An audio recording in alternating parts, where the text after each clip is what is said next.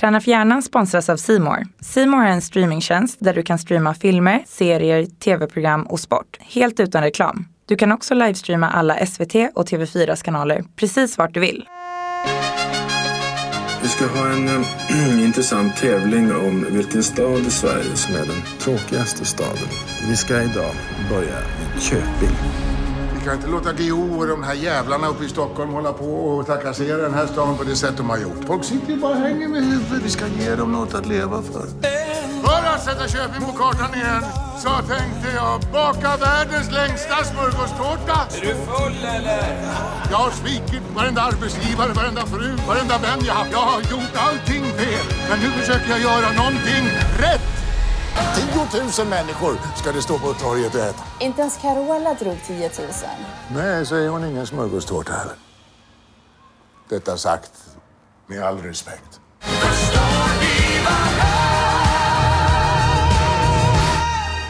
Om jag säger stress, vad tänker du på då? Nej, men jag har ju alltid jobbat. Förr om åren så, så var jag ju dels sen till allting och sen körde jag ju rätt ofta då nattskiften på krogen också. Och sen filmade jag eh, från eh, tidig morgon till, fram till 17 och sen stack jag till eh, teatern och satt i sminket och sen spelade jag och sen gick jag på krogen igen. Och så gick det på sådär. Och man låg eh, alltid lite efter eller kanske lite före sig själv. Liksom. Man sprang ju fort som fan. Ehm, men jag, eh, många år så skapade jag en karriär på det där viset. Jag eh, hade ett genombrottsår när jag var eh, 96. Då jag, 96, 97 kom nog allt det där ut. Jag gjorde då huvudroll på Dramaten mot Börje Ahlstedt. Jag hade premiär på 11 filmer på en gång.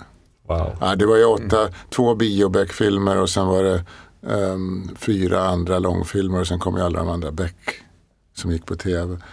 Men det, det, var ju för mig, det var ju, inspelningen var ju likförbannat elva filmer. Och det, det var ju fantastiskt, jag ville ju det då. Och hade ju möjlighet till det då. Jag levde ju så och levde med Maria som också var skådespelerska. Vår största, vår största kärlek låg ju till att göra karriären. Sen kom en period eh, när jag började inse att eh, den där revanschismen jag drevs av och mm, eh, att jag ville upp på toppen så att säga. Det är lättare när man är underifrån och kommer och ska någonstans förbi alla och tycker alla är dåliga. Jag ska upp på toppen själv. Sen är du där uppe på toppen. Då kan du inte använda den där motorn längre. Och det tog några år för mig att byta motor tror jag. Då var han lite extra vilsen. För att då visste jag inte varför jag skulle hålla på längre. När jag redan var etablerad, jag hade fått mina Guldbaggar, jag hade fått mina, mitt beröm och mina recensioner och folk visste och tyckte att jag var bra och så vidare. Då var det inte, liksom vad är grejen tänkte jag då. Och så det tog många år och nu har jag den helt klart för mig varför jag vill hålla på. Jag vill hålla på för att eh, det är en passion hos mig, inte bara skådespeleriet utan att uttrycka mig. Eh, sen om man gör det i en podcast eller i, i måleri eller skriver någonting eller står på scen eller men att skapa mm. eh, någonting är jävligt ballt tycker jag. Och sen försöker jag då välja sammanhang som är, jag har ju liksom ett yrke som är, är, är ballt att bli äldre i. Det, det är nog skönt att åldras i det här jobbet för mig för att eh, jag kan använda allt jag har varit med om. Liksom. Men då tänkte jag, hur, hur, hur hanterar du de förväntningarna som hamnar på dig efter det att du slog igenom som du sa? Så det hade väl lätt att komma underifrån men sen, liksom, hur blev det sen? Ja, men jag har inte haft något större problem med förväntningarna. Däremot kände jag att när jag spelade på teatern till exempel, jag drog ju en, en ny publik till teatern, de som gillade Beck och Gunvald till exempel och så. Och de blev ju besvikna om jag eh, kom in som, finns en karaktär som heter Greger Svärli i Ibsens Vildanden och det, det är absolut ingen tuff eh, kille.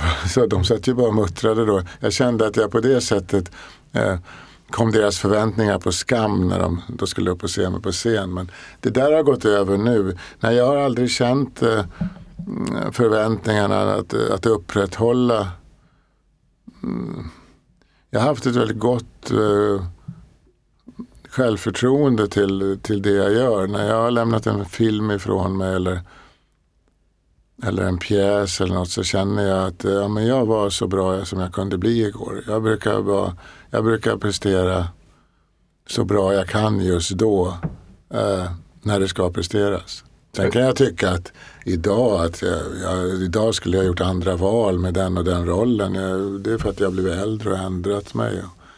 Men, eh, men det finns ju många som blir sämre under trycket av att någon ska titta och bedöma dig och så. Jag brukar prestera bättre då, precis som Rickard. Det Jag var har tagit- jag har tagit rygg på Ja, Rickard. men du är nyfiken på just hur du hanterar det här med, som du säger, då, förväntningar och press framförallt. Har du upplev, upplever du nervositet när du kommer upp nu? Ja, ja, absolut.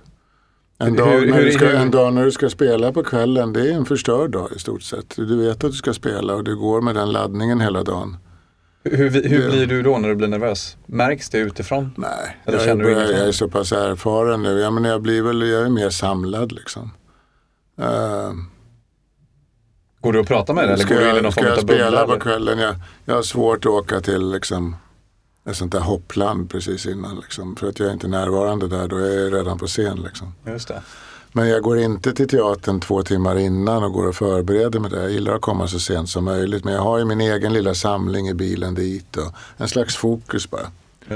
Att liksom fixa till, ställa in svetslågan liksom. Men har, du har vissa rutiner som du går ut efter eller? Ja, det har nog alla tror jag. Kan du ta er sådana? Det tycker jag är superintressant om man tittar på Ja, exempel men- idrottare och så Ja men de dig. är väldigt... eh, Det handlar ju bara om, dels så går du ju igenom text för dig själv på dagen. Om du nu ska spela en pjäs där du har mycket text som jag gjorde Macbeth. Det väldigt svår text att memorera och svåra passager och så.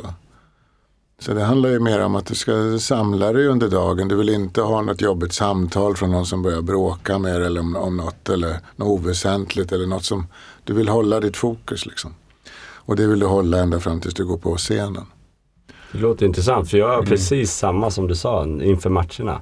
Man, liksom, man vill vara lite själv och man liksom vill gå igenom det här. Ja, och man det, har små ritualer. Du har väl ditt med hur det ska vara små stunder av Tejprullen ska ligga rätt, handskarna ska ligga på rätt plats. Det, Mm. Sånt där är viktigt. Du vill ju ha en första smäll också sa du. Att Ja, du kom in i det. Det skulle, ja, det vill jag alltid ha för att liksom släppa den här nervositeten. Och det kan jag tänka mig att man liksom vill få ut de här första replikerna Mm. Ja. och då är det liksom så här. Ja, men jag får ju fortfarande, det händer ju i tid och otid. Det man inte vill drabbas av precis innan en entré in i scenen är att du ska stå och, och nu ska jag säga det här och det här när jag kommer in. Snart kommer de säga mitt stick som det heter när de säger sin replik. Så, nu ska du, så står du och tänker din långa replik du ska ha. Då brukar det gå åt helvete. Så det bästa du vill göra är att fixa med något helt annat och bara komma rätt in. Och det är som att få en smäll. Okej. Att du ja. inte står och, och, och förbereder. Alltså står du och Ofta, ofta går jag in på scen också och, och drabbas av precis innan jag ska gå in. Jag, sista tanken jag har innan jag går in och, och nu kollar alla på mig. Är att jag har ingen aning om vad jag ska säga. Och så går du in och så börjar munnen prata fast du inte vet vad du säger. För här, och sen kommer hjärnan ikapp liksom. Ja men just det, jag är helt rätt här. Och så kör jag på. Det är jättekonstigt. Men jag tänker bara exempel, jag har en scen på näthinnan här när jag tänker på det. Hur, hur, hur du kopplar på då, för du har en scen med Gunvald där, många, när du är mm, eh, riktigt förbannad. Jag tror du har stukat foten Gunvald. Kommer in på kruk, eh, kryckor och suttit i ett väntrum i flera timmar. Vad har du gjort? Vad ser det ut som gjort illa med foten? Vill du vara så vänlig och flytta lite på dig? Du kanske ser att jag har svårt att gå. Vad är det som har hänt? Jag har trampat snett. När hände det? 21.30 igår kväll. Sen dess har jag suttit på den där jävla akutmottagningen! Satan! Det är skrikande psykfall, mosade jävla fyllon och uppskurna pundare. Och fan och hans moster! Varenda jävel ska ha förtur! Före mig! Vad är det för jävla sjukvårdssystem? Fan, nästan 13 timmar tog det att få det här skiten röntgad och kasta på det här jävla paketet. Sen fick jag vänta två timmar till på att någon jävla överläkare var ute på sin fjolltur på, på golfbanan och inte kunde skriva ut ett jävla...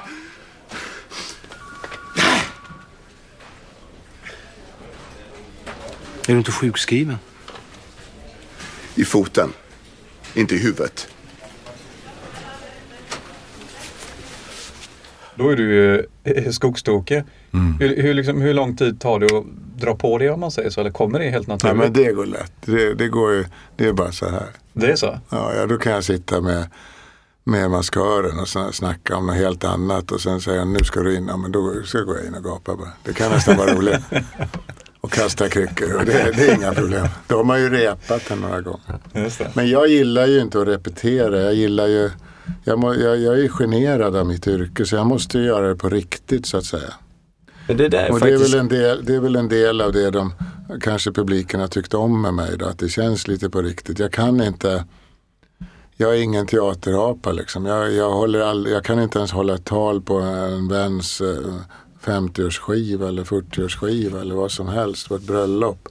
Jag blir, det, det blir jag tokigt nervös av. Alltså, vet inte vad jag ska säga. Jag är ingen en- entertainer på det sättet som många andra skådespelare är.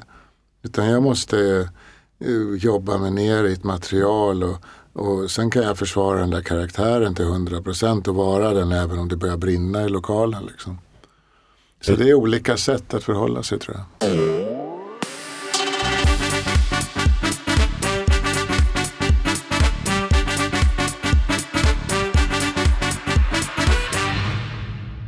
Men det är ganska kul att du säger det. Du säger att du har bra självförtroende på scen. Mm. Du har en karisma som få har. Jag tror många liksom tror att du är en väldigt liksom Mm. Även att du inte är blyg, för du är ju blyg Mm. som person säger du. Och den bilden tror jag inte man får eh, av dig alls. Nej, men det, det, det, det, är nog inte så konstigt om de har sett mm, Gunvald liksom fara fram i, i, vad är det, 20 år plus.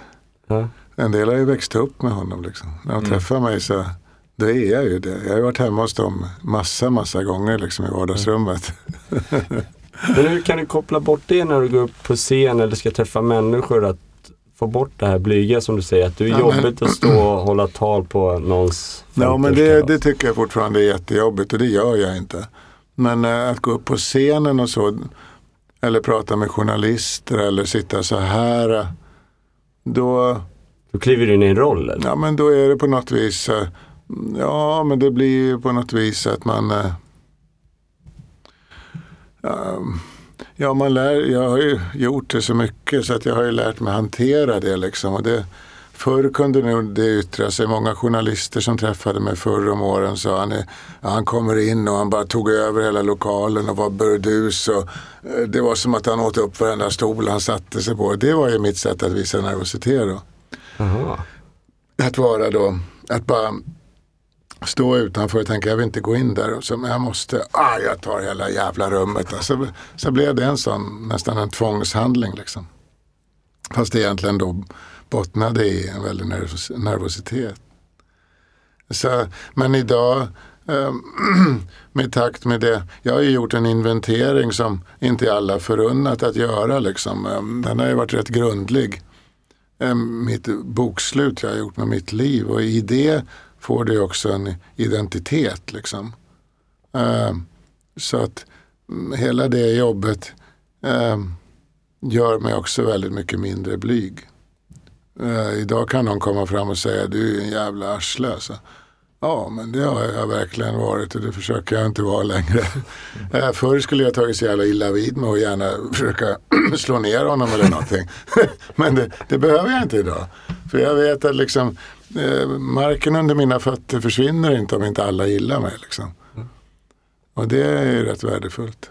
Och sen vad det gäller det där, jag är tillbaka vid soffan där också. Jag eh, har ju visserligen två sociala kanaler, eh, en, en officiell Facebook-sida och ett, och ett Instagram. Um, och det, men jag är aldrig där nästan. Eh, jag tog bort den, jag hade en privat Facebook ett tag också men jag tror inte det där är bra alltså. Jag, jag, apropå soffan där, de som lägger sig i soffan idag, de gör ju det med den, med den. Sanna gör det till exempel. Hon är ockuperad av den där och ibland sitter hela min familj runt middagsbordet med telefonerna. Och då är jag faktiskt den enda, nästan, Sunde där som säger, hörni, kan vi inte snacka lite med varandra? Jag tror att det där kommer bli nästa, vad säger man? Hälsoproblem i Sverige Ja, just med telefonen. Vi pratade om i vad som... världen. Ja, i världen. Eh, vad, vi pratade tidigare om vad, vad är sant och vad är inte sant. Mm. På Instagram till exempel, alla de här om man då kända bloggerskorna och lägger upp bilder och sånt där. Är det där sanningen? Är det där deras väska som de har köpt? Eller har Mm. de lånat den på NK? Eller liksom så här, de målar upp en bild av någonting som inte är. Och sen de här stackarsarna som är där ute får ju en falsk liksom, förebild. Och det där blir en superstress tror jag. Och med kroppsidealen också. Ni som håller på med en eh, träningspodd här. Ni vet ju hur det ser ut med, eller jag tittar ibland, Sanna nämnde någon igår och eh, vi har ju en, en 17-årig eh, dotter hemma också. Och med de kroppsideal som finns, alltså det är ju ruskigt vad det läggs på dem hur de ska se ut på, åt det ena och andra hållet. Man ska inte, får inte vara för smal och inte för tjock. Och det, så har det kanske alltid sett ut men det blir så jävla mycket påtagligare när de pumpas mer i de där, i de där mediakanalerna. Nu kan du lägga på filter, du kan ju bli tjock, du kan ju bli smal, du kan ju få muskler, du kan ju vara en... Du behöver inte vara den personen som är bakom sin Insta. Muskelfiltret. det- vad- Har du inte- har inte Nej, det? hittar man? Jag Var skickar det över det du haft när du är nere i, i Thailand? Du har muskelfilter. Ja. En specialapp du Rickard. Och det andra lilla filtret också, partyfiltret. Är det där? Nej, det där var ju eh, en real life provat va? Ja, det var det. Ja, Det var det vore ju kul om du har ett filter bara. Ja, nej, det var real life. Det, var, det, det, det var Men du kände jättefint inte- alltså. Ja, den bilden stannar hos dig. Det är en sån där utpressarbild. Ja. Hörru du. Den Ja, kommer upp, jag postar. Men du känner inte att de kanaler du har är ditt sätt att få möjligheten att uttrycka dig? Ja, man tänker så, här, det är ju inte alla kanske som har möjligheten att stå på teater men att kanske sociala medier blir Jag, jag en sorts har de där kanalerna bara för att kommunicera med eh, fans. Jag ser dem som fanpages och det, de heter ju Mikael Persbrandt Official båda två. Och det, det är det de är. Och jag, I perioder bjussar jag mer och ibland lite mindre beroende på vad jag känner för. Jag känner inte någon större stress över det. Um, och sen eh, det som är lättast och roligast att lägga ut är när jag håller på med racing eller något sånt där. För det är ju lite, det är ju ballt att plåta en motor liksom. Men det, det, och det är några motornördar det, det är ett gäng. Kommer det komma en uppföljning på eh, uh, Biltokig? Nej, jag tror inte det. Jag tror inte SVT har råd med mig. Okej. Nej, då kan du ringa mig. Jag kan...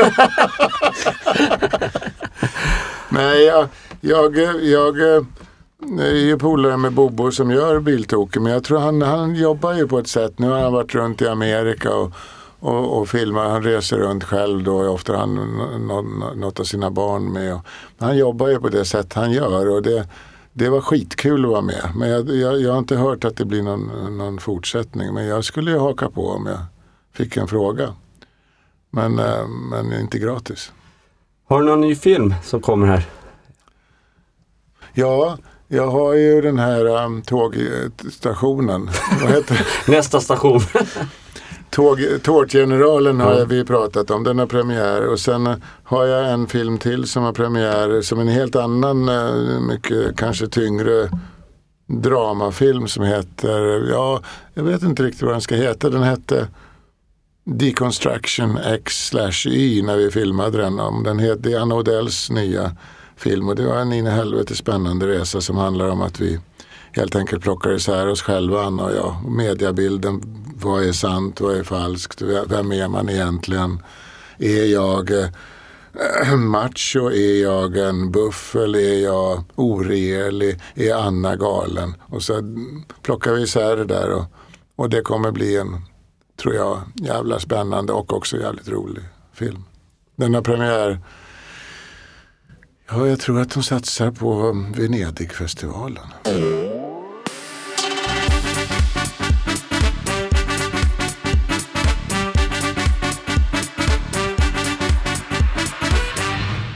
Träna för hjärnan sponsras av Easy Living. Easy Living vill att träning ska vara enkelt och kul. De har komiformkurser, mammaträning och cirkelträning. Easy Living fokuserar på långsiktiga resultat där alla kan nå sina mål. De håller till i egna lokaler på Kungsholms torg, nära till allt. Besök easyliving.nu för att boka ditt pass.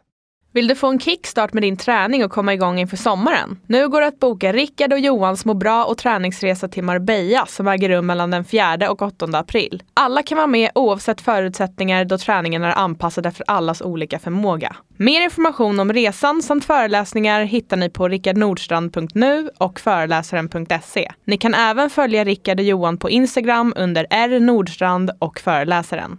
Du har gjort sjukt mycket film. Jag måste säga en av Sveriges mest kända skådespelare.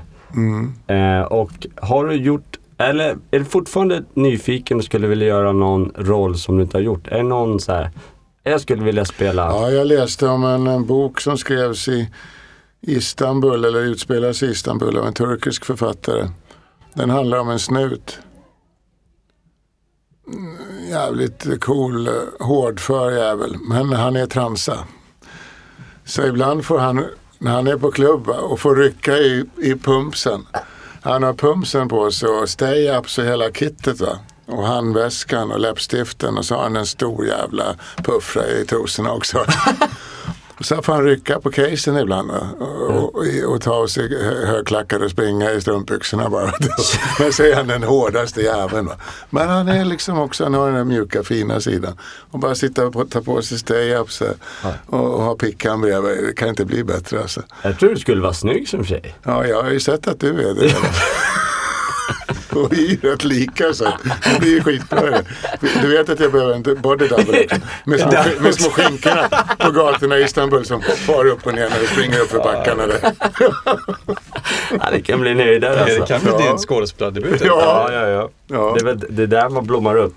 Men vad tänker man där då, eh, Mikael? Om, vad, om man sitter nu hemma med en, men jag skulle, eller jag kanske gått in på skådespelarkarriär och skulle vilja, jag, jag vill verkligen bli en duktig skådespelare. Vad har du för tips och råd? Nej men jag försöker ju bara titta och så försöker man bara ta bort det mest teatrala liksom. För att det bästa finns ju hos människan själv och är man amatör på film kan man, kan man ju vara helt fantastisk som amatör. Just för att man är så naken och man leds av en stark regissör. Eh, och en amatör kan ha något så ospelat över sig. Liksom. Något riktigt, det känns som en riktig människa. Och sen när de kommer ut från scenskolan så kan de kännas manerade och inlåsta i någon mask och vara teatrala och, och då är det för mycket. Och det, kan ju, det är sånt jag kan plocka bort. Um, och på scen funkar ju sällan en amatör för att du ska kunna, du ska bygga ett sånt bygge så att det går att göra, varje kväll ska du göra om det liksom. Det går inte att göra på humör, du, du måste sätta allting liksom. Så där behövs det ju en erfarenhet. Men eh, Ja, det är klart man kan spela amatörteater, jag ska inte säga det.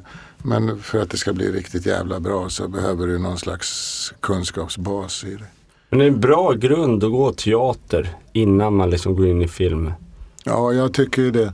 Jag tycker att teatern, jag har sagt det i oändligt många intervjuer, att teatern är modern i mitt yrke. Det är den, den som har fostrat mig liksom. Och det är där du får göra alla de där balla grejerna, även om det inte är så många som ser det jämfört med en, med en populär film. Så mm, jobbar du med en text av Shakespeare eller Strindberg eller, Mac, eh, eller, eller O'Neill eller någon av de andra stora världsförfattarna, klassikerna, så har du ju, då får du ju säga ord som är komponerade av världens bästa. Liksom. Det är världsmästarmaterial. Och det är sällan du får det i en film. Utan då får du ett manus som i bästa fall är bra och som du kan göra lite bättre genom att göra det personligt.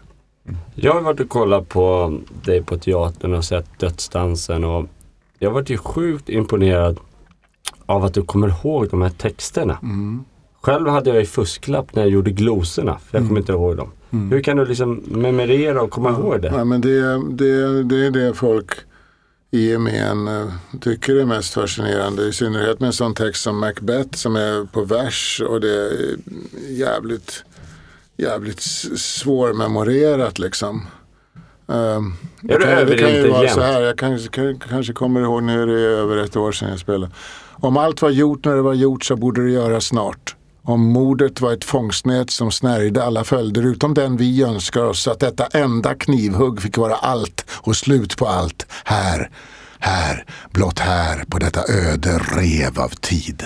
Så där fortsätter det ju bara. Ja, men hur, hur, ja. Och det, det går inte att komma av så, vad ska jag säga, efter rev. Det går inte att improvisera på det. Jag ska bara be om en glass, det är ju inte det liksom. Utan det, det tar ju tid att haja ens vad man säger. Nej men det är ju bara ett slit alltså. Det är, jag brukar säga lite förenklat att det är som att, som att plugga till körkortet. Eh, Och det, det är det, det är bara att plugga liksom. Jag gör det eh, oftast då eh, som jag gör nu då om jag ska göra, nu ska jag göra inbillade sjuka i höst. Då börjar jag i vår när jag sitter på när jobben börjar på gården med Åkeräsklippan och sådär. Då, då, sitter jag med lurar på och så spelar jag in pjäsen först. Alla repliker, alla, alla, alla repl- allas repliker spelar hela pjäsen utan att göra några val. Jag bara läser in den rätt torrt. Och sen eh, lyssnar jag och lyssnar och lyssnar. Och sen börjar jag, och så läser jag emellanåt. Och då får du synen. När du läser då ser du ju, du vet du kan ha sett en lapp så ser du den framför dig och därför kommer du ihåg orden. Så då blir det synintryck, hörsel, syn och så skriva det, då blir det ett sinne till. Du gör ju något med pennan så ser du de där bokstäverna och så tittar du på det. Och sen eh, spelar jag in en inläsning till då jag bara spelar in eh, den andres stick. Alltså slutet på den andres replik. Och nu är det min tur att säga något. Och då ska jag kunna mitt. Och så sitter man och bollar med det där. Så till slut har jag bara en inläsning med bara problembitar kvar. Som jag, som jag inte kan riktigt. Och som jag, måste, som jag lyssnar på i bilen till teatern. Och så. Men det känns också att du börjar i sista, sista sekund. Ja men det har varit en metod jag haft. Och det har ingått i det där dysfunktionella, jagade livet. Och jag försöker ändra på det. För att jag vill, det, jag mår inte bra av det. Att, att eh, känna att jag, att jag liksom ligger efter. Nej. Och därför försöker jag nu eh, Börjar läsa in boken i sista sekund. Ja, det gör jag ju faktiskt. Det är för att jag drar mig för att den är så jävla jobbig. Eländig jävla bok alltså. när, när kommer den komma ut på ljudbok? Ja, någon gång i vår tror jag. Jag tror att först kommer väl den stora pocketen nu och sen kommer en liten pocket och sen kommer ljudboken. Ja, Det är Bonnier som håller i det där men de har någon masterplan för det där. Nu åker jag till eh, Oslo imorgon bitti och träffar Ari Ben, eh, prinsessan Märta Filippa, vad heter hon? Märta? Eh, Ex-man, eh, författare och ett crazy, crazy guy. Som vi ska upp på scen. Jag ska ha, min bok ska börja säljas i Norge helt enkelt. Så jag ska dit och göra lite media och press. Jag tänkte, om vi har fem, jag- är supernyfiken på det här för det här med bryta beteenden. Ja, Det här med att, nu sitter vi ju tre män och pratar och fler som lyssnar, men det här med att generellt sett att vi har en oförmåga. tre män. Ja, precis. Eh, nej men då pratar om hur man mår. Om hur man mår. Vi, Du kom in på det här med må dåligt och destruktivt och sådär. Liksom, vad, hur upplever du? Vad är, kan vi bli bättre på att prata om hur vi mår? Oh ja. Det är väl det vi är sämst på. Män generellt menar du? Eller Ja, människor? precis. Nej, vi pratar generellt med män då. Ja men det tror jag ligger tyvärr Mm, Mm, jag hoppas att det förändras och det kanske det gör med den här nya generationen män. För jag upplever att de är på ett lite annorlunda sätt än, än oss som har, i alla fall än mig som har fötterna är fortfarande i, i 60-talsmyllan och den gamla hierarkiska ordningen um, med patriarkatet och, och som män var förr. Alltså det är ju inte länge sedan som kvinnor inte hade rösträtt ens. Och där har jag ju, Eh, min generation snubbar har ju fortfarande, vi har ju alla mer eller mindre undfallande fäder som har försvunnit ur bilden från oss. Och, och, och en annan typ av män, de gick inte med oss till dagis och många av oss har ärvt det där, varför det där är väl kvinnor att göra och så vidare. Det, jag tror att det där håller på att ändras eh, fett och jag tror att det kommer en ny generation män som som, eh, jag tror det i alla fall. Jag, jag känner inte så många i den där generationen men jag, jag, eh, jag har fått det intrycket. För det var ju då komma till om man, om man själv då känner att man sitter i den här karusellen, man ändå på något sätt känner av att man är ett destruktivt beteende och ett mönster. Vad är dina tips och råd för att bryta en sån process? Ja. Nej, det är jättesvårt. Eh, dels beror det ju på vad en sån man lever i för social kontext. Liksom. Har man en, eh, Nej, jag, jag, jag, det, är, det är skitsvårt alltså för att det, det, det går ju lätt att sitta och säga här att ja, men det är bara att börja prata med någon om hur, om hur du mår. Men det är just det som är svårt liksom. Men det är ju det som vi skulle då i just det här syftet vilja inspirera till för att eh, ytterligheten är ju åt andra hållet som du säger då, om man tittar att det här med hur, när man mår dåligt att det begraver man i sig själv. Ja. Att, eh, att man kopplar ihop kanske också sin identitet med sitt yrke. Eh, att man liksom har svårt att skilja på sak och person och då blir det ju jättestor belastning för en själv. Ja, gud ja. Det finns väl många som går under när de får sparken från sitt jobb till exempel. Så är det. Eller blir lämnade av sina fruar. Det är inte för inte som det är män som går ut i kanske framförallt i Norrland eller så är det en fördom och, och, och hämtar jaktbössan och skjuter ihjäl hela familjen. Det händer ju sådana här saker. Och det är ju eh, för att man, den typen av man då antar jag inte har något vara, något eget liv kvar. Om eh, den man älskar eller lever med lämnar en eller om man blir av med sitt jobb. Man, man, man, är, man är bara tillsammans med de man har samlat omkring sig. Liksom. Och egentligen är man väl ett stort svart hål då bara. Men om man tittar på den branschen du är verksam eller har varit verksam i många år. Hur är klimatet där? Är det acceptabelt att prata om hur man mår, hur man känner och hur man upplever verkligheten och sådär? Eller är locket på, kör så ryker och så får vi se vad som händer? Eller? Det borde ju vara, vi borde ju vara bättre på att prata om hur vi mår och, och eftersom vi jobbar med känslor och våra kroppar och själar liksom. Men jag är väl ett levande bevis på att det inte alls behöver vara så. Utan eh, det går så bra att lägga locket på och köra så länge det går. Liksom. Men eh, det var ju inget bra för mig. Det hade varit mycket bättre att, att få ett språk för hur, hur man mådde. Och att kunna uttrycka det och kanske be om hjälp. Eller, Men du kom väl ändå till den utvägen Ja. till sist där du verkligen bad om hjälp? Ja, det gjorde jag sent om sidor men jag var ju tvungen att köra mig ner i min egna eh, lilla botten först. För att eh, innan dess, det var ju bara en massa tusentals försök innan dess. Och det är mycket lättare att, och fly kortsiktigt än att ta tag i eh, de konkreta problemen som finns. Liksom. Också blandat med eh, eh, mansbilder när jag kom till teatern och långt upp i, mitt liv så har jag tyckt och kunnat sagt med fog tycker jag att de bästa det är ju de som är fucked up. Liksom. Bästa skådisarna är ju helt fucking crazy alltså. Och sån är jag också, så är det bara. Mm. Men eh, och det hjälper ju inte eh, när man tänker och har de målbilderna liksom. Utan eh, där måste man ju och för mig, jag var väl tvungen att göra mitt klart och det tror jag alla är. Eh, jag var klar, det fanns inte så många stationer kvar för mig annat än, än eh, ja, det, det oåterkalleliga slutet eh, typ. Eh, och det, det var bra för mig för att jag är inte alls nyfiken på det hållet längre alls. Jag är ju klar där nu. Och det, det var ju mitt sätt. Men generellt sett, jag har inte så kloka grejer att säga om det där. Jag är inte klar liksom med att formulera det. Så att det skulle kunna hjälpa andra. Mer än att eh, eh, Fan, om jag eh, lärde mig eh, snacka om hur jag mår eh, och gjorde något åt de ganska allvarliga problem jag hade så borde ju andra kunna fixa det också.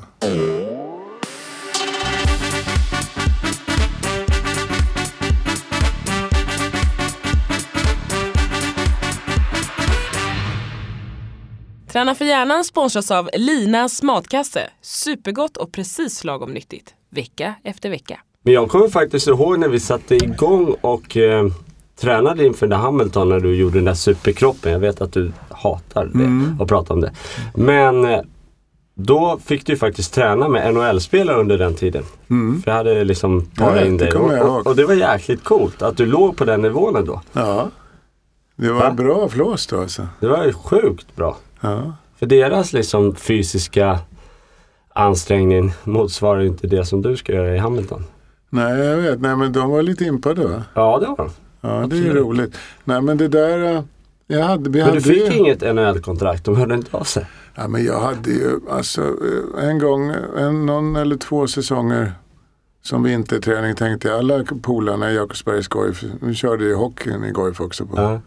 säsong, haka på. Och så skulle jag prova lite det. Ja, jag var ju Brynäs-fan och jag vet inte. Man gjorde ju teckningar på Brynäs. Där.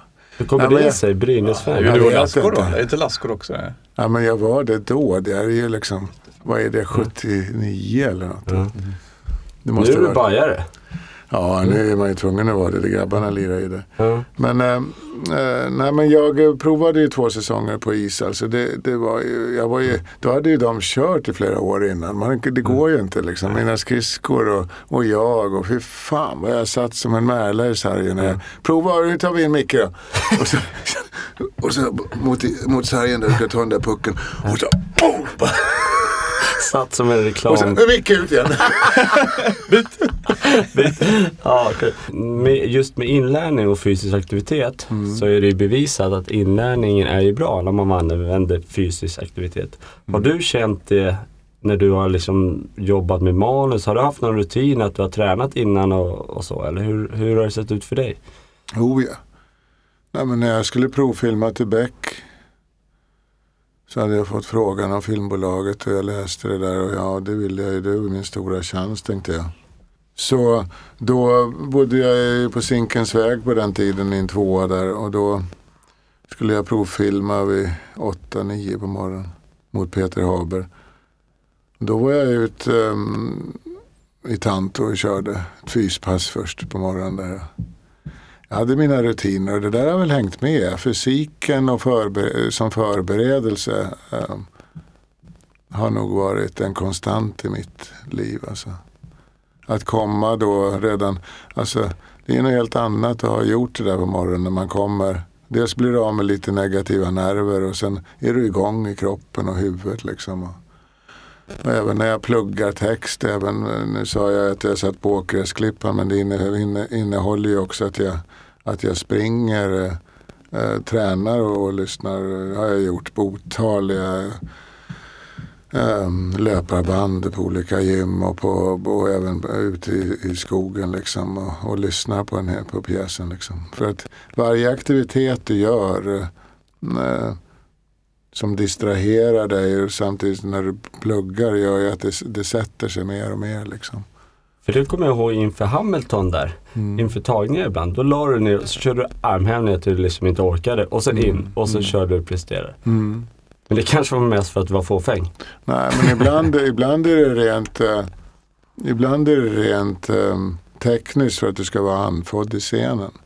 Och en del brukar då spela andfådd och det går ju liksom att eller så, men jag tycker det är obekvämt. Helt rätt vad det är så glömmer du bort det där och börjar prata normalt. Det är bättre att vara andfådd på riktigt. Så det är bara, det är rent tekniskt. Om du ska vara andfådd så är det bra att vara andfådd. Ja. Eh, men i andra fall så är det ju ett sätt att väcka upp sig själv. Liksom. Men det är olika, vissa roller, jag menar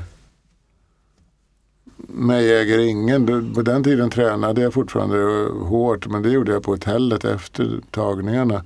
Men den rollen krävde ju snarare att jag gick in i någonting. Och, så alla, alla jobben har nog lite olika. När man är yngre skådespelare så kan man bli för fokuserad på att jobba med musklerna. Liksom.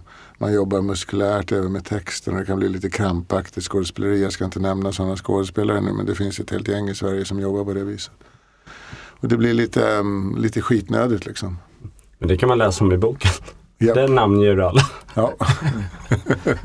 Nej, i boken snackar jag inte skit om folk faktiskt. Utan de som varit ikring mig i, i skit och de som, som jag har jobbat mycket med och så. eh, De pratar jag om. Och de som har betett sig pratar jag om. Men, men generellt sett är det bara, det är inget allmänt, det finns inget allmänt skvallervärde i boken. Utan det är helt kopplat till mig och mitt vara. Jag fick ju bara fina recensioner av dig. Jag varit jätteglad när jag läste. Ja, det skulle du ha också. Vi hade ju kommit överens om att stryka det andra. Jag blir nyfiken på det efteråt. Hur, hur har du gjort efter föreställningen? För att komma liksom ner i varv och landa? Ja, men då älskar jag att bara lämna teatern eh, fort och åka hem. Och sen eh, är det lite svårt att landa för man är lite pigg efter alla applåder och så. Man, jag brukar säga att man kan komma till teatern sjuk och trött och eländig och sen, eh, sen är du efter applådtacket som en sol liksom. Och hur är du mot dig själv då? Är du snäll eller är du liksom kritisk att ah, men det här kan du ha gjort bättre? Eller liksom Nej, jag är ofta snäll. Jag brukar ofta säga att det där dög. Hur många var de? Ja, de var 630. Ja, men det dög det. Jag brukar känna att jag, jag, brukar känna att jag har varit rätt bra. Ja, vad roligt. Ehm, Jag måste- Jag tror att det är lite som med träningen. Jag försöker ge, jag, eh, jag försöker ge allt när jag kör. Liksom. Jag vill bjuda på en show. Det ligger i mitt DNA liksom, att inte, ja, men jag går in och markerar lite ikväll för jag skiter i dem där. Det, det gör jag aldrig utan jag gör så, som jag, så gott jag kan. Och då kan man inte vara så missnöjd på sig själv. Man kan säga jo men jag var lite förkyld och jag var lite låg eller någonting. Jo men jag gav allt det jag kunde då. Och det, om man gör det på varje station i livet eh, så, så blir man, kan man inte lasta sig själv så hårt. Jag vet ju en sak som du har pratat om. Kebnekaise. Mm. Hur ligger det i tid nu? Ja men det är ett annat projekt jag har. Och det är ju eh, att jag, ja, ska man prata om det? Det kan jag väl göra. Ja men jag fick ju för mig då i någon resa hem från teatern, det är rätt kreativa stunder, att jag, jag tänkte jag ringer Ola Skinnarmo. Och så ringde jag upp honom och sa du jag vill eh, bestiga de högsta topparna på varje kontinent och dyka i de djupaste sjöarna nedanför dessa berg. Och han tyckte det lät kanon. Så hade vi ett möte med, eh, med, en, med ett produktionsbolag. Och där är det nu att de ska försöka göra en, en pitch på det. Jag hoppas att det kan bli ett, kan bli ett jävla ballt program. Det handlar nämligen om hur, hur högt och hur lågt kan man säga. Och då kan det handla om själen också. Och prestationen. Och varför vill vi komma så högt? Men just i mitt fall så behöver jag inte komma upp till toppen. Jag behöver inte nå botten heller. Men tanken är att jag går upp och man tänker då att man börjar i, i den, dess mildaste version så är det då att gå upp på Kebnekaise och sen gå ner till Tarfallasjön och eh, kasta i ett lod med en lina. Och sen ner på linan och kanske bara blir eh, 10 meter första gången. Man åker ner på en släde. Men och sen eh, till slut så är man nere på Kilimanjaro och det är också som en vandring upp, en lättare. Men så blir det en massa utrymme också till att prata tänkte jag om det filosofiska eller det rent andliga i varför vill man bestiga och varför vill man utsätta sig. Och det har väldigt mycket med träning att göra men det har också väldigt mycket med någon slags livsfilosofi, vad vi gör här på jordklotet. Varför, jag vill alltid upp på ett berg. Så fort jag ser ett berg så vill jag upp. Det enda som jag såg snökullarna på parkeringen utanför Engelbrektsvägen i Jakan så ville jag klättra upp på snöhögen. och Så ville jag bygga en grotta in där. Men hur, hur har du jobbat där då? Om man tittar på det här med drömmar. Har du jobbat mycket med framtidsdrömmar? Jag har varit väldigt mycket i nuet tror jag. Men jag har ju satt mål för mig själv när jag var 27, 26, 27. Först var jag på Dramaten när jag var 20 och kom från dansen och måleri till dansen in på Dramaten. Älskade stora scen, höll på där och visste att man inte kan göra karriär från statist till, till skådespelare i det huset och då vart jag scenarbetare, sen sket jag i det där, började köra taxi och sen pluggade jag på universitetet, läste astronomi och konsthistoria. Jag visste inte vad jag ville bli. Men sen ville jag, sen ryckte det ur den här skådespelarnerven. Så tänkte jag satsa, prova lite till. Sen när jag var 26 så sa jag, om jag inte är bäst om tio år då skiter jag i det. Men då ska jag ge det tio år. Måste köra, det är en rimlig plan. 10 år, liksom, jag hinner fetta på här nu. Under de här tio åren, stannar du upp någonting? Hur duktig har du varit på att njuta av de framgångar som du har haft? Nej, men det har jag inte varit duktig på alls. Alltså, utan det har bara rullat på. Det var många, många år och långt över 40-årsåldern som jag kände att jag har nog högst varit ledig två veckor på sommaren eller tre veckor någon gång kanske. Annars har det bara varit, eh, jag har levt för jobbet alltså.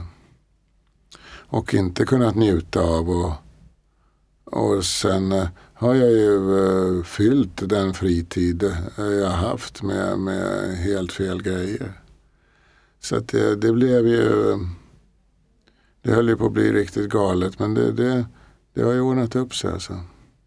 Man får vara uppmärksam på det där om man då som lyssnare på den här podden eh, eh, jag, jag har ju inte så mycket kloka saker att säga om det där. Jag är ju inte liksom varken terapeut eller psykolog men, eh, men jag har en del erfarenhet. Och det, det är ju liksom det där med att ta vara på dagen. Liksom.